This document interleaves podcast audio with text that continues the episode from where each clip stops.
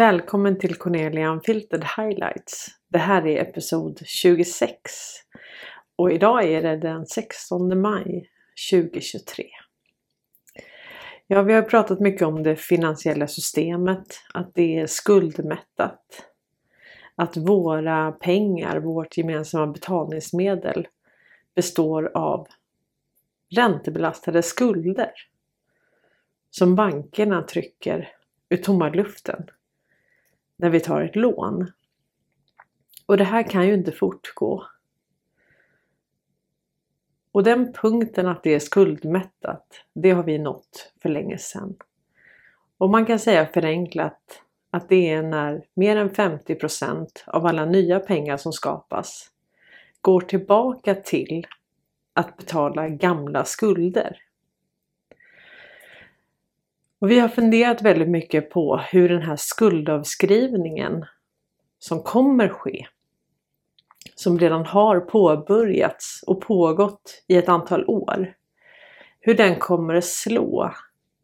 Många har ju varit oroliga och funderat kring hur man ska kunna rädda sina pengar.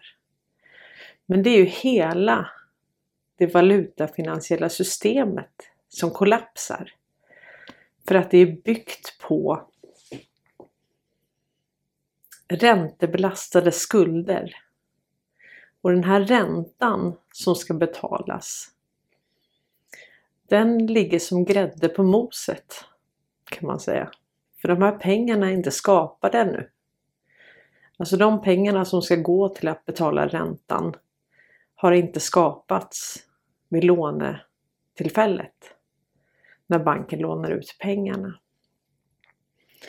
Och eh, skuldavskrivning är ju ett faktum. Det är någonting som redan pågår, det har vi pratat mycket om.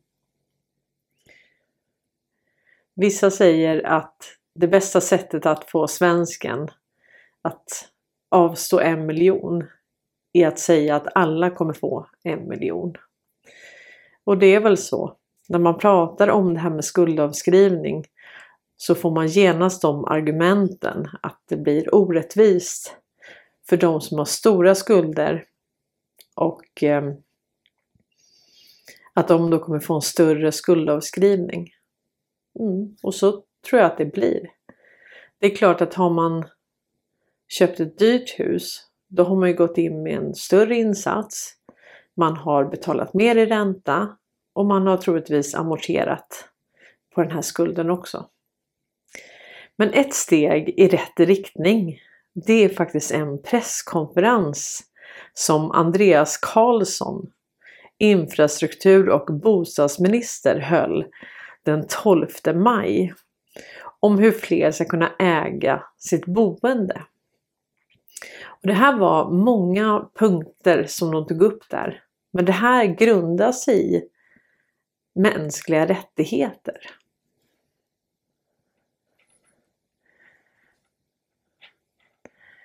Då hittade jag faktiskt en motion från 2012 av eh, Jan Lindholm, Miljöpartiet. Då står det så här, motivering.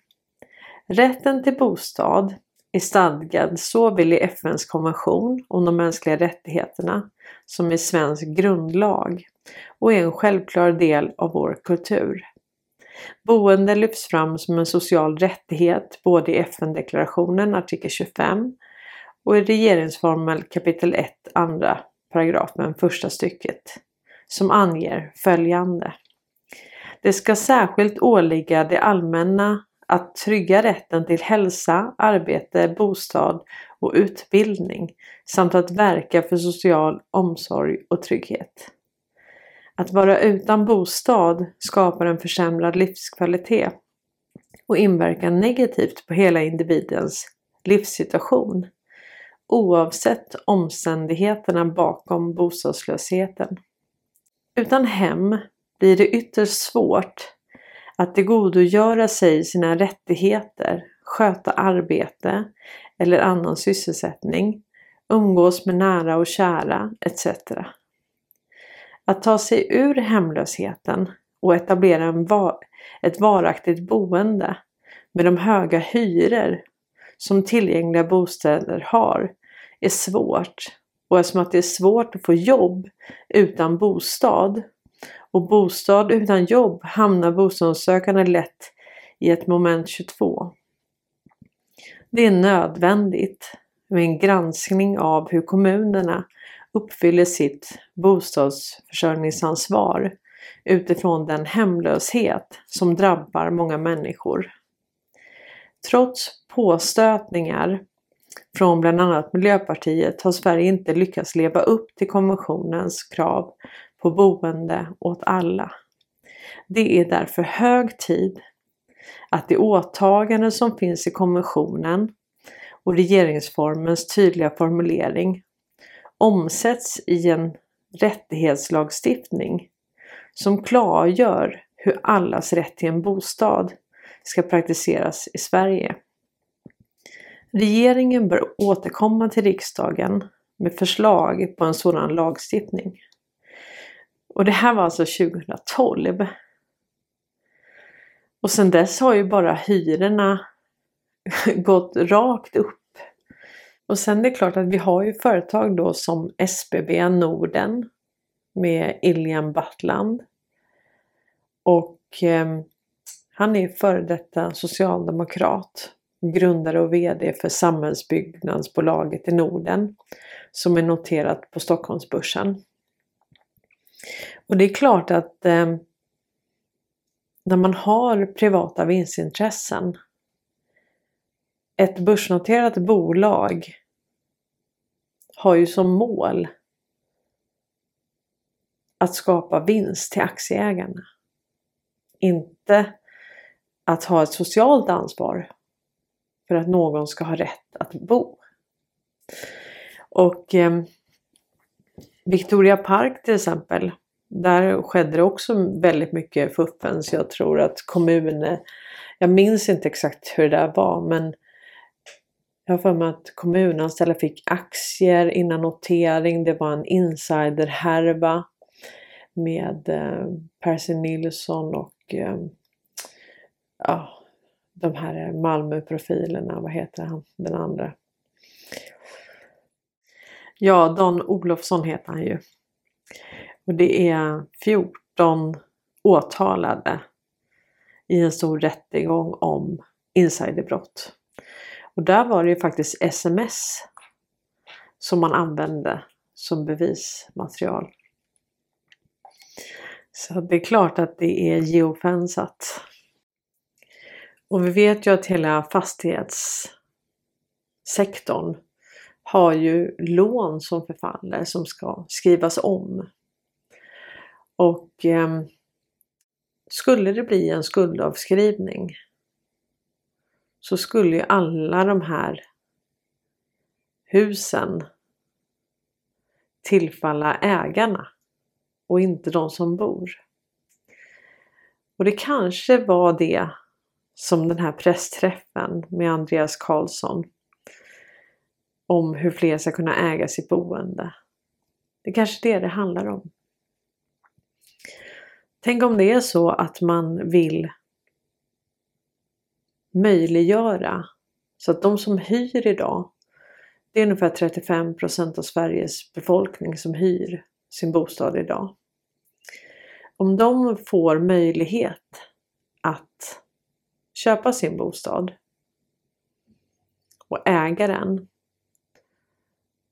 och att det sen sker en skuldavskrivning. Då blir det egentligen samma sak som de som har dyra bostadsrätter och även hus. Man fördelar ut beståndet så att säga, så att alla har en bostad. Utöver det så säger man att man ska bygga fastigheter över hela landet. Över hela landet, inte bara i storstäderna. Och det är också viktigt. För en del i de här agendorna innan har ju varit en urbanisering helt enkelt. Man ska skapa sådana här 15 minuters städer och alla ska bo i städerna. Men så kommer det inte bli. Och det vi har sett de senaste åren är ju en utflyttning från storstäderna ut på landet. Så det de föreslår här då, det är ju att man ska kunna ombilda rätter till ägarlägenheter. Sedan 2009 så är det bara nyproduktion som kan vara ägarlägenheter. Och eh, ägarlägenheter det är ju någonting som finns i andra länder. Där du på riktigt äger din bostad. Inte bara som en bostadsrätt, att du äger en rättighet att bo. Utan du äger din lägenhet. Problemet har ju varit då att om du har en fastighet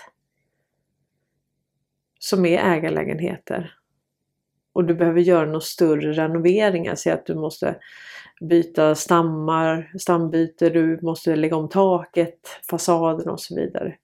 Så bygger det på att alla kan ha de pengarna när man har det. Dessutom har det varit svårt att försäkra det. Svårt att hitta försäkringsbolag som försäkrar ägarlägenheter. Men det är ändå ett väldigt intressant alternativ. Och jag tror att som ett komplement till det så kommer vi få fastighetsfonder där man kan ansöka om pengar för större renoveringar. Tänk lite som ROT och RUT där man idag betalar 50% från staten.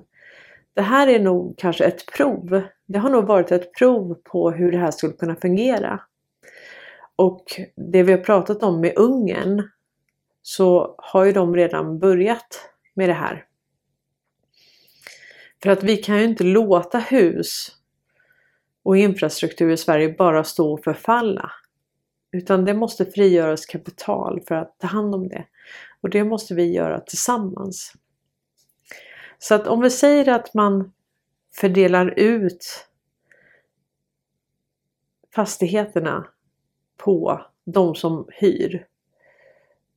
Då har vi utjämnat skillnaderna mellan de som har en bostadsrätt eller de som hyr. Området, ja det kommer vara olika. Vissa är strandnära, vissa är i städerna, vissa är på landet. Det kan vi inte göra så mycket åt. Och eh, det andra de föreslår det är egentligen att du kan hyrköpa. Du skulle kunna köpa till exempel halva fastigheten och sen få en förhöjd avgift och betala av det. Det är också ett bra upplägg. Speciellt om det sen skulle bli en skuldavskrivning. Och det är det det kommer bli. Men då kommer det gynna fler än bara de som haft råd att köpa ett hus eller en bostadsrätt. Eller varit kreditvärdig. Kreditvärdigheten handlar ju bara, bara om återbetalningsförmåga över tid. Att betala räntan framförallt då. Och amorteringen helst. Så att eh, det här är ett steg i rätt riktning. Det de också föreslår det är ett höjd schablonavdrag för uthyrning av egen privatbostad. Säg att du hyr ut, ut din bostad eller du hyr ut en stuga. Så höjer man det här schablonbeloppet som man får tjäna på att hyra ut sin bostad. För man får tänka på det att ofta är det ju faktiskt så, framförallt på landet, att man hyr ut hus som någon har som permanent bostad. Och det är viktigt att komma ihåg. Så för att inte det här ska hamna i klorna på de här privata aktörerna som har investerat i fastigheter. Och de förstår ju det att det är klart att folk behöver någonstans att bo. Och när de har renoverat så har det ofta varit så att de har fått flytta iväg ett tag. Och sen har man fått flytta tillbaka och då har man fått en förhöjd hyra givetvis. Så jag tycker att det här känns lite som QFS eller Gesara eller vad man nu vill kalla det. Men det här är ett steg, tror jag, i rätt riktning och det här är en förberedelse också för skuldavskrivning. Och tänk om de som hyr idag skulle kunna få förändra sitt boende så att det passar deras behov. Slå ut en vägg eller vad man nu kan behöva. Och känna att man kan påverka sin eller anpassa sin bostad så att det verkligen passar ens egna behov. Det är fantastiskt. Jag, jag ser det här som väldigt, väldigt positivt. Vi har funderat just mycket på det där och jag har tänkt när folk har oroat sig över hur rättvist det kommer bli och att de som har tagit lån kommer gynnas mer. Och då har jag ändå tänkt på det här att eh, ja, men jag tror att det finns en plan. Jag tror att någon har tänkt på det här. Men det är helt omöjligt att göra det exakt lika. I sånt fall får vi bygga exakt likadana hus, riva alla hus, bygga exakt likadana hus på exakt samma läge och det funkar inte. Så det kommer bli olika. Men jag tror ju att eh, om man kan minska bördan för hela Sveriges befolkning. Alltså idag måste vi ju jobba så mycket för att bara kunna ha råd att betala för mat. Mat och husrum. Tak över huvudet. Transportmedel för att kunna ta oss till jobbet. Mat. El. Det har ju varit enorma summor.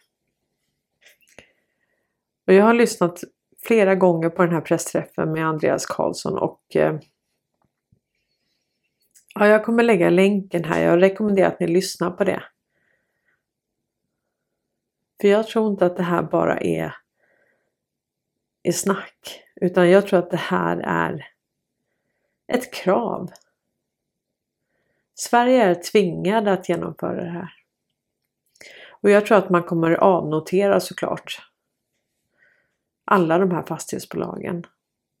Men det är ganska lustigt att vi har eh, det här SPV Norden som äger så otroligt många kommunala fastigheter. Och den här Ilian Battlan, alltså de har fått låna pengar till minusränta. Och den här Ilian Battlan, han, han har en ganska intressant bakgrund får jag säga. Han är född 23 juli 1967 i Montenegro. Svensk fastighetsentreprenör. Före detta socialdemokratisk politiker. Grundare och VD för Samhällsbolaget i Norden. Jag tror han har 35% av rösterna. Bara det är ju mycket på ett börsnoterat företag. Och eh, han var kommunalråd i Nynäshamn. Och sen var han landstingsråd i Stockholms län. Och eh, den 3 maj 2011 så tillträdde han en befattning som vice VD i fjärde AP-fondens fastighetsbolag Dombron AB. Sedermera namnändrat till Rikshem AB. I september kritiserades Rikshem och Fjärde AP-fonden för att ha gett Rikshems ledning och däribland Battlan orimligt fördelaktiga konvertibler på bekostnad av pensionsspararna till ett värde av flera miljoner. Ja, men vad har han fått alla de här pengarna? Till att kunna äga så här mycket i SBB Norden. Ja, då står det så här, AP-fondens VD Mats Andersson försvarade dock konvertibelpaketet med hänvisning till den goda avkastningen. Och om jag inte minns fel så var det precis sådana här konvertibelpaket som man gav till kommunanställda i, eh, när det gäller Victoria Park. Den 9 december 2015 gav bolagets styrelse besked att Battlan avskedades. eftersom att han hade gjort omfattande fastighetsaffärer för egen räkning utan att informera företagets styrelse. I efterhand uppgavs även hans mottagande av ett attraktivt hyreskontrakt på Östermalm.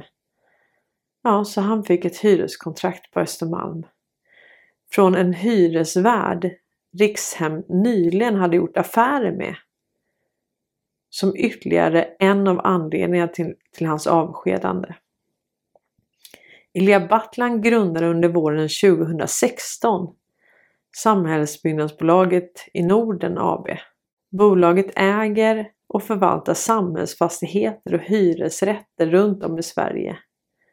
Och Battlan är också storägare i Niro. Ja, det är väl inte mycket att hänga i julgran nu. Och Odd Molly. Odd Molly, ja. Mm.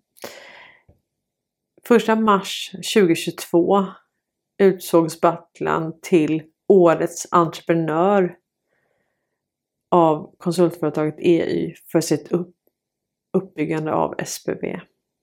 Jag hittade här i realtid. SBBs obligation till negativ ränta gav direkt klirr i kassan. SBB har lyckats emittera en så kallad social obligation på motsvarande drygt 7 miljarder till negativ ränta. Vilket ger ett omedelbart plus på nära 10 miljoner kronor bortsett från valutaeffekter. SBB har emitterat icke säkerställda sociala obligationer för 700 miljoner euro till rörlig ränta. Löptiden är två år och ger SBB möjlighet att förtidsinlösa efter ett år.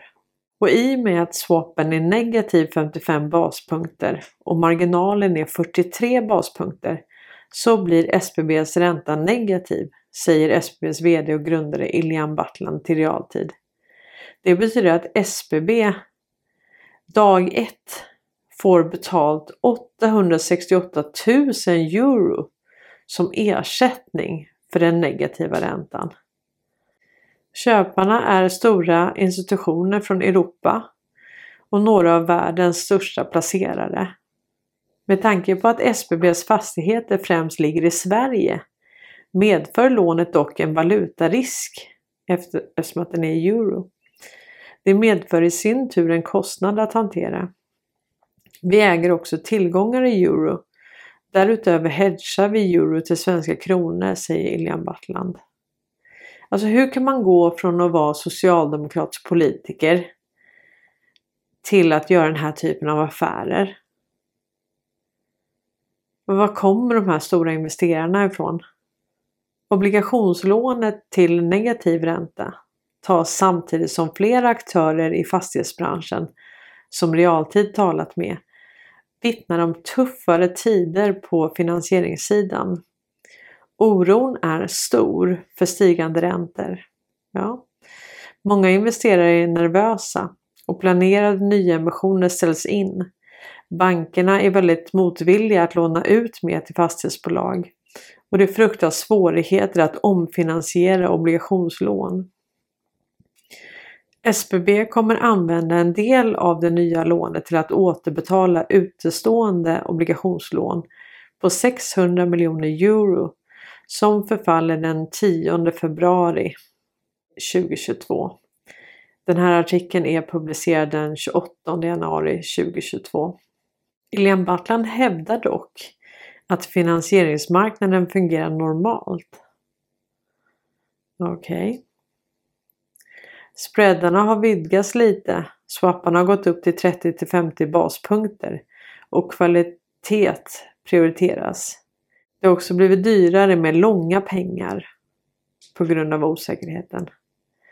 Transaktionen emitterades under EMTN-programmet och kommer noteras på Euronext i Dublin. Deutsche Bank agerade ensam bookrunner på den här transaktionen. Okej. Okay. Ja, tror man inte att det finns en bubbla i fastighetssektorn. Då får man nog tänka om. Alltså det här är ju fantasisummor. Och vad händer då om man skriver av de här skulderna? Ja, det bästa är ju att de som bor i fastigheterna får sin del av kakan innan det skrivs av. Det hade ju varit det mest rättvisa. För Ilian Battlan och gänget, de skiter i den fastigheten. De skiter i var du bor. Det enda de bryr sig om, det är sina pengar. Vinstkravet till aktieägarna. Så att jag tror ändå att det här är, jag ser det här som väldigt positivt. Och vi får följa det här noga. Men eh, hela systemet kommer kollapsa. Så enkelt är det. Och gå jättegärna in på min andra Rumble-kanal och kolla på episod 61 som handlar om BRICS. Kortfattat kan man säga att världshandeln har ju till 70% skett i dollar. Och nu har vi alltså BRICS-länderna som övergår till sina egna valutor. Guldbackade valutor i ett eget finansiellt system. Och de här länderna är inga små länder. De tillsammans utgör ungefär 77% av jordens BNP. Det är spännande hörni. Tack så mycket att du har tittat. Tack att du gillar, kommenterar och stöttar den här kanalen via Swish eller Paypal. Ha det gott nu allihopa!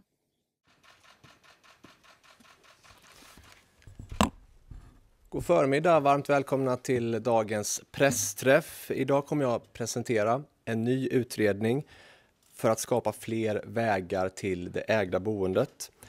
Men låt mig först konstatera att vi befinner oss i ett mycket tufft ekonomiskt läge och många hushåll har fått ökade levnadsomkostnader.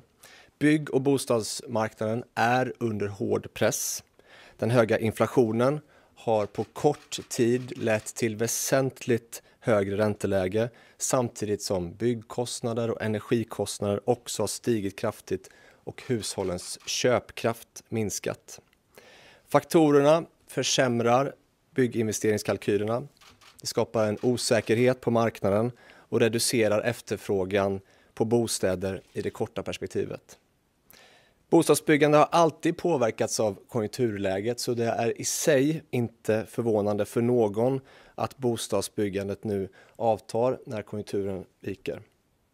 Regeringens politik riktar därför in sig på att dämpa de ekonomiska effekterna för hushållen, värna de allra mest utsatta. Därför har regeringen genomfört en förlängning och höjning av det tillfälliga tilläggsbidraget till barnfamiljer med bostadsbidrag. Vi har också aviserat att reduktionsplikten kommer att sänkas till 6% vid årsskiftet och kompensera de höga energipriserna genom elstöd till både hushåll och företag. I det korta perspektivet vill vi också stimulera ett bättre användande av det befintliga bostadsbeståndet och har därför nyligen remitterat en promemoria med förslag om ett höjt schablonavdrag för privat uthyrning av bostäder. I ett längre perspektiv påverkas byggandet strukturellt av tillgången till bland annat byggbar mark, hur regelverk och ledtider fungerar eller inte fungerar och kommunernas planberedskap. De strukturella faktorerna kan och ska vi göra något åt så att svensk bygg och bostadsmarknad står bättre rustad när konjunkturen vänder.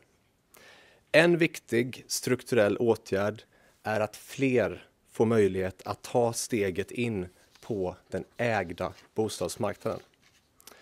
Fler människor ska få möjlighet att förverkliga sina boendedrömmar. Sverige ska vara ett land där människor kan bygga sig ett gott liv med ett eget hem.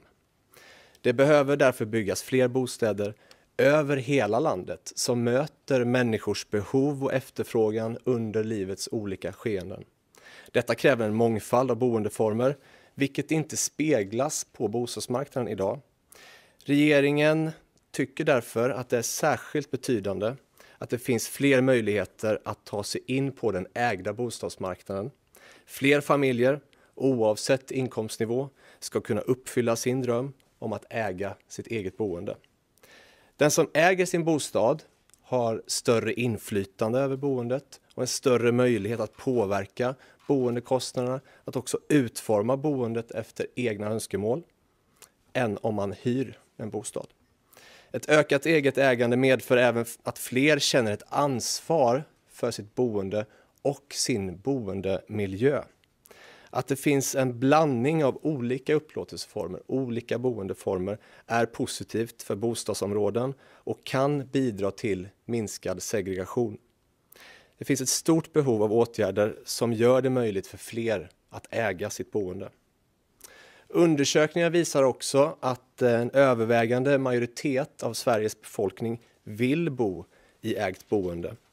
Ändå ser vi att trösklarna är för väldigt många väldigt höga till det ägda boendet. Tittar vi på beståndet också i stort så ser vi att till exempel 35 procent av befolkningen hyr sin bostad idag. Syftet med utredningen är därför att göra det möjligt för fler människor att äga sitt boende, att öka mångfalden av boendeformer i Sverige. Därför har regeringen gett en utredare i uppdrag att föreslå en utvidgning av systemet med ägarlägenheter och en ny modell med hyrköp av bostäder. Utredningen omfattas av Tidöavtalet där det anges att det ska genomföras reformer som bidrar till att bredda ägandet, exempelvis när det gäller boende. När det gäller ägarlägenheter så är det sedan 2009 möjligt att bilda sådana i samband med nyproduktion. Nu vill regeringen utvidga detta. Det ska vara möjligt att omvandla befintliga hyreslägenheter till ägarlägenheter. Alltså inte enbart för nyproduktion utan också i det befintliga beståndet. En möjlighet att omvandla hyreslägenheter till ägarlägenheter medför flera positiva effekter. Det kan bidra till en ökad blandning av boendeformer i områden som idag domineras av hyresrätter, till exempel de så kallade miljonprogramsområdena, där det kan vara svårt att uppnå den majoritet som krävs för ombildning till bostadsrätter. Personer som bor i sådana här områden och önskar äga sitt boende får därigenom en möjlighet att kunna göra det utan att tvingas flytta ifrån området. Detta är en viktig åtgärd för att vända utvecklingen i utsatta områden i Sverige. Att människor som har kapital vill äga sitt boende också ska kunna bo kvar i områden och fortsätta bidra till det områdets positiva utveckling. Regeringen arbetar aktivt och intensivt för att öka tryggheten i hela vårt land med många olika åtgärder på många olika departement och vi bekämpar den grova organiserade brottsligheten. Vi förebygger brott med satsningar på skola, socialtjänst, ny huvudregel i sekretesslagstiftningen, att ge föräldrar stöd i föräldrastödsprogram. Men vi kommer inte ifrån att vi också behöver ta oss an utmaningen med de strukturella hinder som finns när, i de utsatta områdena och att personer ska kunna äga sitt boende i större utsträckning där. Därutöver har den som innehar en ägarlägenhet en ännu större inflytande, som jag var inne på, eh, men också ännu större inflytande över sin bostad än den som innehar en bostadsrätt. En ägarlägenhetsinnehavare kan exempelvis fritt hyra ut bostaden och ha större frihet att renovera eller bygga om bostaden. Omvandlingsmöjligheten kan också bidra till att fastighetsägare genom försäljning av hyresrätt till ägarlägenheter också frigör kapital som kan användas för underhåll och upprustning av det återstående hyresbeståndet. Detta är ju angeläget när vi också ser vilket stora underhållsbehov vi ser i Sverige i många fastigheter idag. Detta skulle alltså kunna frigöra kapital som kommer alla boende till del. De som omvandla till en ägarlägenhet eller de som vill bo kvar i en hyresrätt. Man ska också kunna se att man skulle kunna göra andra bostadsinvesteringar som är viktiga för att vi ska ha en god fungerande bostads och byggmarknad. Därför ska utredaren föreslå åtgärder för att befintliga hyreslägenheter i flerbostadshus ska kunna omvandlas till ägarlägenheter. I uppdraget ingår också att föreslå åtgärder som gör det möjligt att omvandla en del av beståndet till ägarlägenheter, vilket skulle möjliggöra för människor som vill äga sin lägenhet att bo kvar, även om en majoritet av lägenhetsinnehavarna inte är för en omvandling. Den andra delen i utredningsuppdraget handlar om att se över reglerna kring hyrköp. Det är en möjlighet för den som hyr att successivt öka sitt ägande i bostaden. Fler ska få möjlighet att ta steget till den ägda bostadsmarknaden. Men höga bostadspriser och behovet av eget kapital som kan användas som en insats vid köpet av en bostad samt de krav som ställs för att kunna få bostadslån gör att många har svårt att ta sig in på den ägda bostadsmarknaden idag. Det gäller inte minst unga personer. Därför tillsätter vi nu utredningen och den här delen handlar om hur ett tryggt regelsystem för, den hyr, för eh, hyrköpsbostäder ska kunna utformas. Det syftar till att ge förutsättningar för fler att kunna äga sitt boende. Det ska också skapas en tydlighet, en förutsägbarhet och en trygghet åt parterna i ett hyrköpsavtal. Eh, och vi vet idag att det finns lite olika modeller för hyrköp på marknaden. De ska fortsättningsvis kunna användas. Det finns också goda exempel från våra nordiska grannländer. För att ta ett exempel. Om man inte idag har råd att köpa en egen lägenhet, en, en bostadsrätt eller vad det skulle kunna vara, så är ju kontantinsatsen i många delar det stora hindret. Genom att man exempelvis köper halva bostaden och sen börjar betala av den andra halvan successivt genom ett ökat påslag på avgiften för att betala till sin egen kontantinsats så kan man över tid få det egna ägandeboendet att successivt öka. Det finns goda exempel från detta från våra grannländer och det är ett sätt för fler att få in en fot på bostadsmarknaden när det kommer till det ägda boendet.